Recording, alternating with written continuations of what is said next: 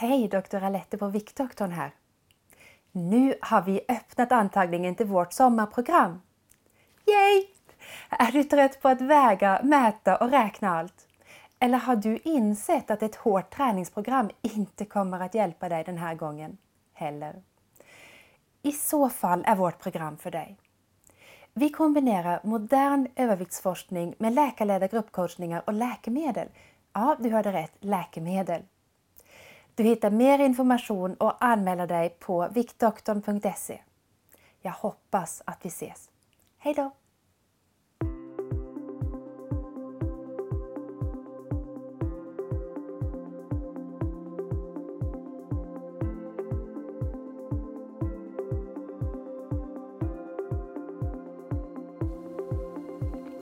Är det kanske så att du ska gifta dig i sommar? Eller är det så att du ska gå på fest hos någon som gifter sig i sommar? Eller kanske de fyller jämnt eller har gjort en stor bedrift eller det är i alla fall en gigantisk fest. Du kanske är mor eller far till den som gifter sig. Ja, alltså du fattar. Det är en stor fest, du tänker gå dit och vara ditt vackraste jag och du tror att ditt vackraste jag är ditt smalaste jag. I så fall är det här avsnittet för dig. Det är jag som är Camilla. Det här är Alette, doktorn i Viktdoktorn, det vill säga specialistläkare i allmänmedicin och numera en tunnare tjockis. Mm. Ja, Äsketäske tänka sig att vi har den här podden om vikt. Men du, idag så tänkte jag eh, vi ska prata lite grann om det här med bröllop. Mm. Fast det kan ju alltså vara vilken fest som helst. Eh, nu har ju jag aldrig gift mig, så kan inte du berätta lite grann om hur det var när du gifte dig? Ja, precis. Det var fantastiskt. Ah, lite sådär som du skulle vilja göra det igen. Ja, jag skulle vilja göra det igen. Och faktiskt är det så att när vi var i Las Vegas, min man och jag, då försökte jag övertala honom att vi skulle gå och gifta oss inför Elvis med liksom plojgrej. Så att vi kunde få en kul bild. Kanske inte riktigt lik din man. Nej, min väldigt ordentliga man han sa nej vi är redan gifta älskling, vad är det du försöker göra? Och jag liksom bara okej okay då. Men det var fantastiskt roligt. Och eh, när vi gifte oss 2005 då bodde vi i en mindre stad i Norrland. Eh, I Norrbotten, ursäkta. Man ska ju namnge... Faktiskt var lite till norra Västerbotten är jag från. Ja. Man ska namnge län, man ska inte bara säga allt norr om eh, Dalaälven som Norrland. Men hur Även som om helst. det är det. så, så visste jag, för jag hade redan varit och smygkikat i den bröllopsaffär som vi hade i stan, att det fanns inte så jättemycket roliga klänningar i min storlek. Och min storlek då var att jag vägde 95 kilo den våren och allt som fanns var ju ta mig tusan ärmlöst. Varför är ärmlöst så dåligt? Ja men jag ville inte visa mina flabbiga armar. Aha. Utan jag ville ha en snygg klänning och jag hade sett för mig att den skulle vara långärmad för det var någon slags bild som jag hade framför mig sedan jag var väldigt ung. Och jag började googla på brudklänningar och googlade och googlade och hittade min drömklänning, en Pronovias, en spansk designer. Um, en klänning med A-linjeform, hyfsat långt släp, vackra broderier, väldigt stilren egentligen, enkel med de här långa ärmarna och den var så här båtringad så. Och eh, jag blev så glad när jag hittade den. Det var bara ett litet problem. Eller ett stort. Ja, den befann sig i USA. Mm. Och det var ett till litet problem. Eller stort. Den var för liten. Mm. Men jag tänkte så här, jag var 30 bast och då tror man fortfarande att eh, alla problem går att lösa, det omöjliga tar bara lite längre tid och jag var helt övertygad om att när jag då stiger upp varje morgon klockan sex, kör min crosstrainer en timme på morgonen före frukost. Det där med för... Alltså förlåt, jag måste avbryta här. Har du kört en crosstrainer Ja. en timme per dag i Ja. flera veckor? Nej, i flera månader. Alltså det här är helt nytt för mig. Det här är liksom kvinnan som aldrig tränar, som känns lite för det, som jag försöker få igång, men som alltså har tränat stenhårt. Ja, när vi då skulle gifta oss då var jag fullt bestämd på att den här klänningen den ska passa. För det var inte så att jag kunde välja mellan olika klänningar i olika storlekar. Jag ville ha precis den här. Och den var utgången ur serien så jag kunde inte köpa den i en, i en rätt storlek. Så jag köpte den där klänningen som var för liten, fick hem den från USA och var överlycklig för den var ju så vacker. Och provade den och det var ju inte ens nära att den skulle gå att dra upp. Men envis 30-åring, eh, ganska nyss utexaminerad läkare två år tidigare. Jag liksom bara, ja men det här handlar om pannben och jag vet att jag har ett bra pannben. jag lyckades faktiskt med crossfit, eh, crosstrainer varje morgon, eh, med att följa en diet till punkt och pricka, med att hoppa över alla vinglas och alla godispåsar och alla glassar allting den sommaren så gick jag faktiskt ner 15 kilo från kanske februari till augusti. Mm. Vilket är helt fantastiskt. Mm. Men du stannade inte där. Vi återkommer till det. Ja, men alltså, Ja. ja. Men, men grejen var ju den att när det då började närma sig bröllop, jag tror det var tre veckor kvar, så provade jag min klänning. Och jag skulle önska att jag kunde säga att den satt så bra och jag kände mig helt överlycklig, men det gjorde den inte. Den passade inte. Och det var ganska långt ifrån att den skulle passa. Och då hade jag också faktiskt skaffat en korsett och klämt in allting i korsetten och dragit åt så att jag knappt kunde andas. Eller jag hade övertalat min eh, blivande make att dra åt och han liksom bara, det här är inte nyttigt. Eller liksom bara, det skiter jag i, klänningen ska på. Jag var nästan andfådd bara av att andas här uppe. Ja, men det går ju inte. Det vet vi ju alla som har haft på oss för små kläder oavsett vad vi har för storlek. När man drar upp den där dragkedjan bak i ryggen och så känner man "Nu vart det lite svårt att andas. Då vet man den här klänningen är inte för mig. Och grejen var ju den att jag insåg ju, det är tre veckor kvar, jag har ingen klänning. Så jag köpte en klänning till. Som jag också beställde på Ebay. och, och denna gång köpte jag den från England så det gick fort att få den. Och den, den var bra, den satt fint och det tror jag var en storlek 44-46-ish. Ehm, och eh, den kom, den var vacker, det var en råsidenklänning i lite gräddvit ton. Den var fantastisk, men det var ju inte min drömklänning. Och jag strålade ju inte när jag stod framför spegeln och provade den. Vilket i sig är ett problem för du ska gifta dig med mannen du älskar. Ja. Ja, och sen gick det en vecka och jag förlikade mig med att det kommer att bli den här klänningen, det får vara bra nog. Eh, good enough. Och så kommer min mamma som eh, trollar med knäna så att hon säger som är så här, ja men vi tittar på din klänning, hur mycket är det som saknas? Och så provar vi den och så säger hon, ja men titta på de här sömmånen, här finns det fem centimeter på vardera sidan. Och jag liksom bara, bing! Det finns kanske en möjlighet. Så det hon gjorde då var att ta ut den så att sömmarna var maximalt utlagda och så provade vi den igen. Och så passade den ändå inte!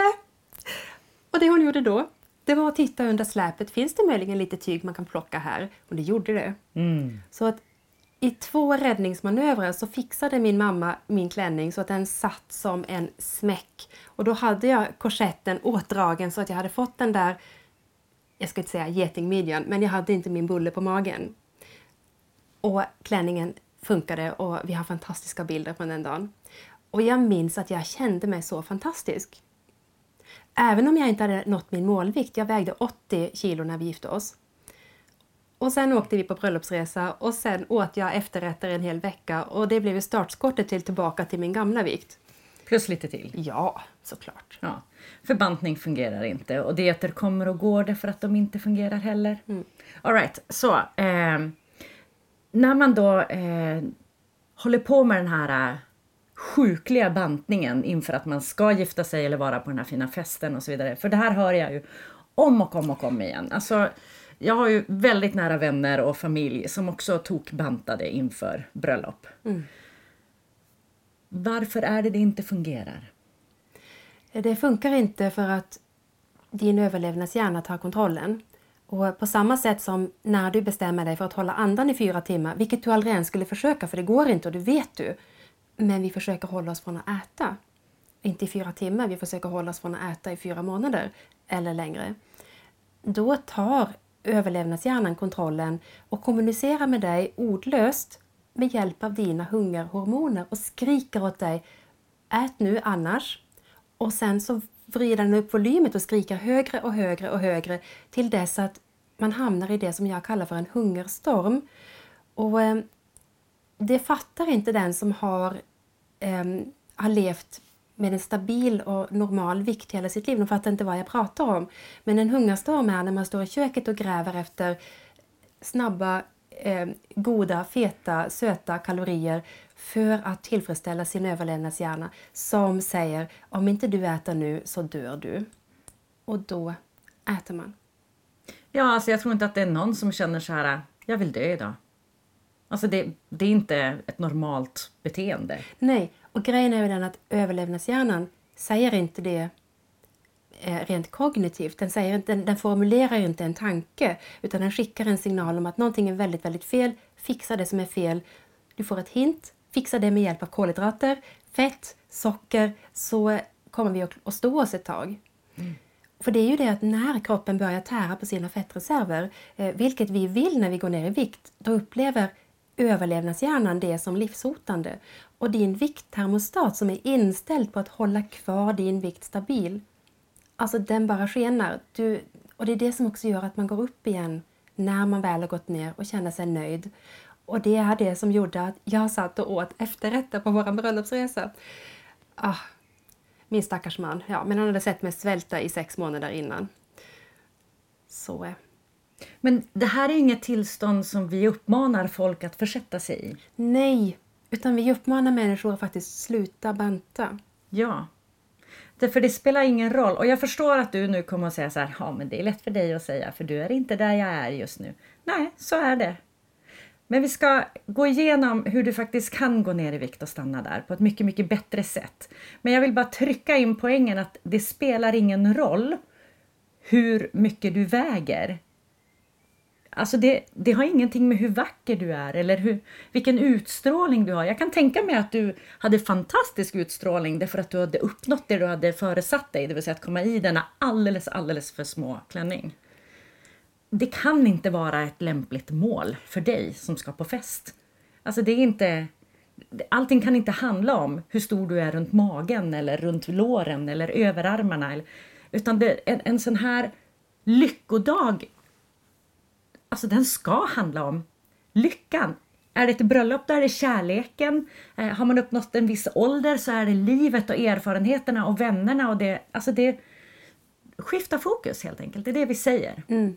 Och jag i retrospekt borde inte ha köpt en klänning som var för liten.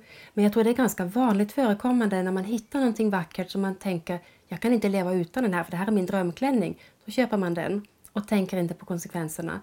Och sen kanske man lyckas komma i mål och komma i sin klänning eller så gör man det bara nästan som jag. Och eh, det gör ju också någonting med min självkänsla för jag hade ju ansträngt mig, tränat, ätit bra, hållit mig borta från godsaker och ändå nådde inte jag mitt mål. För Du, du måste ha känt dig så här riktigt värdelös och dum. ja, man känner sig lite dum.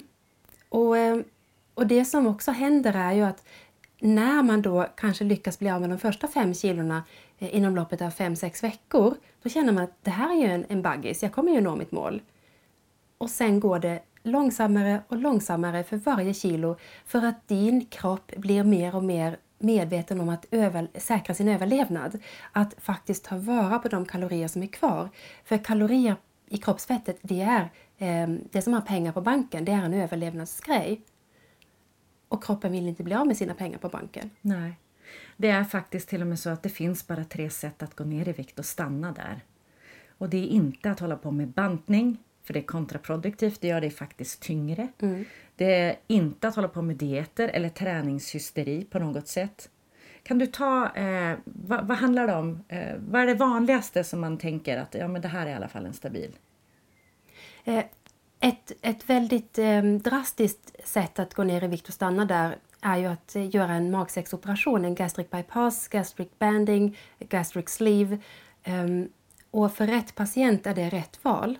Men för många är det fel val, för det är ju en, en ganska ett stort, Invasivt. Ja, det är ett stort ingrepp och det finns komplikationer. Och en del människor de lever med sina komplikationer i åratal. Exempelvis extrema blodsockerfall så att man inte man klarar ingenting. Och, och, och om du som lyssnar nu har det problemet så gå och prata med din doktor för det finns det hjälp att få mot extrema blodsockerfall efter en magsäcksoperation. Ehm, Ett annat sätt är ju att följa best weight-konceptet. Ja. Och även om vi har en, en specialpodd bara om best weight, eh, matchvikt, drömvikt, bästa vikt. Eh, kan du inte kort gå igenom vad handlar det om, vad gör man, hur lång tid tar det, vad får man för resultat? Eh, Best weight-konceptet är ett koncept framtaget av eh, kanadensiska forskare som räknade ut följande, och det är så logiskt när man hör det. När du lever så nyttigt du kan, så råkar du få en vikt som blir din bästa vikt. Och då handlar det om att när du lever så nyttigt du kan och fortfarande kan njuta av livet. För att det att balansera på den asketiska vägen och bara anstränga sig hela tiden, det är det väldigt få människor som klarar på sikt. Ja, men det är inget roligt. Nej. Vad är det för liv att hela tiden begränsa sig? Nej.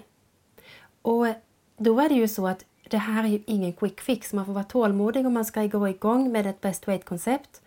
Ehm, man behöver ofta hjälp för att kunna få eh, vägledning på rätt sätt och kunna få hjälp att ta fasta på var är mina fallgropar, vad behöver jag faktiskt förbättra? Och sen så ska man använda tiden för att då ser man en viktnedgång som går långsamt. Eh, man hamnar på viktplatåer. De platåerna kan pågå i flera år innan man kommer vidare till nästa viktplatå. Och, och det innebär att någonstans mellan 5 och 10 år kan det kanske ta att nå sin målvikt. Um, och ska man planera för ett bröllop om 10 år då, ja, då, då kanske, funkar det bra. Då funkar det bra, men då kanske man inte ens har sin brudgum än. Alltså det finns ju snabbare sätt. ja. Eh, och det handlar om? Det handlar om beteendeförändringar med stöd av läkemedel. Mm. Nu råkar det vara så att det är precis det vi gör på Viktdoktorn. Så jag, låt mig bara säga så här. Vi kommer att öppna upp ett till program som startar i juni. Om du är intresserad av det, gå in på viktdoktorn.se och skriv upp dig på väntelistan så kommer jag skicka mer information till dig om det. Men varför eh, fungerar läkemedel? Läkemedel tangerar den fantastiska vikttermostaten. Mm. Så att när du sätter igång med ett väl avvägt program och det får vara ett program som inte är så komplicerat att hela livet vänds upp och ner utan det ska vara äta bra mat, äta eh, mat som du vet att gör dig glad och ger nytta i kroppen.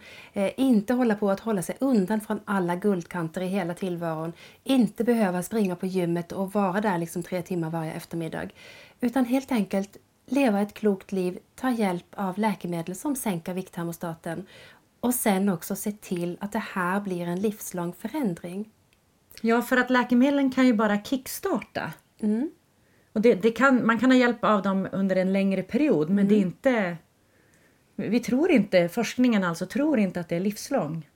Eh, nej, och, och det är ju också så då att kommer man igång med en kickstart och får en rejäl effekt, kanske som jag då tappade 15 kilo på tre månader, ehm, så får man ju också ett driv framåt och man känner att det här var inte omöjligt. Mm. Jag trodde det var omöjligt men det visade sig att det var inte omöjligt. Nej. Men sen gick du in på en platå. Sen gick jag in på en platå och det finns också en jämförelse här som jag skulle vilja dra och det är ju att vi har ju haft medlemmar hos oss som har fått det läkemedel som eh, jag ofta väljer. Det finns ju många olika att välja på och de passar olika bra för olika människor.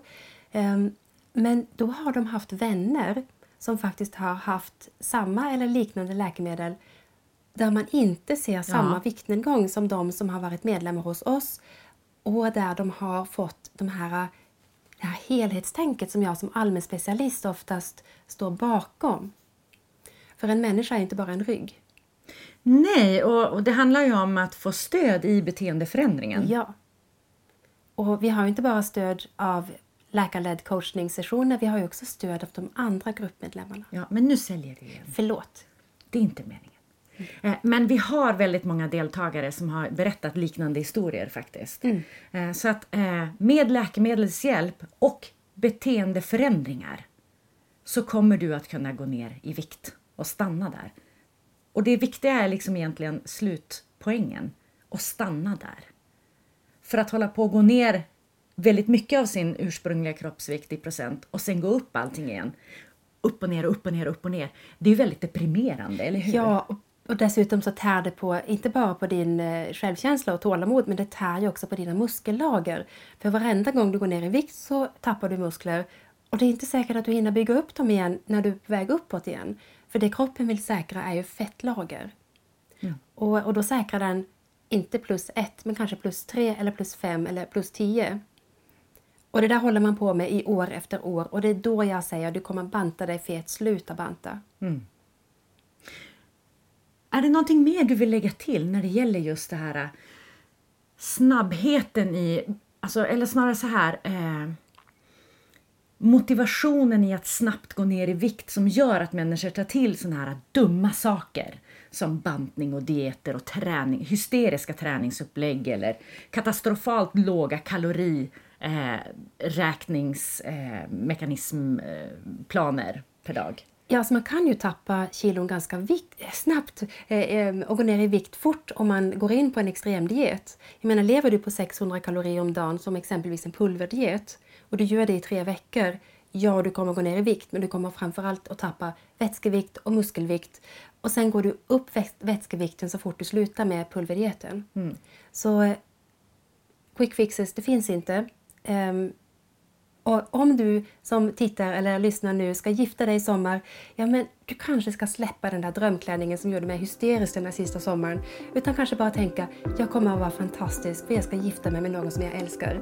Och, och då strålar man oavsett storlek och, och vikt och ja. Ja, faktiskt. Det är hela poängen. Du duger precis som du är.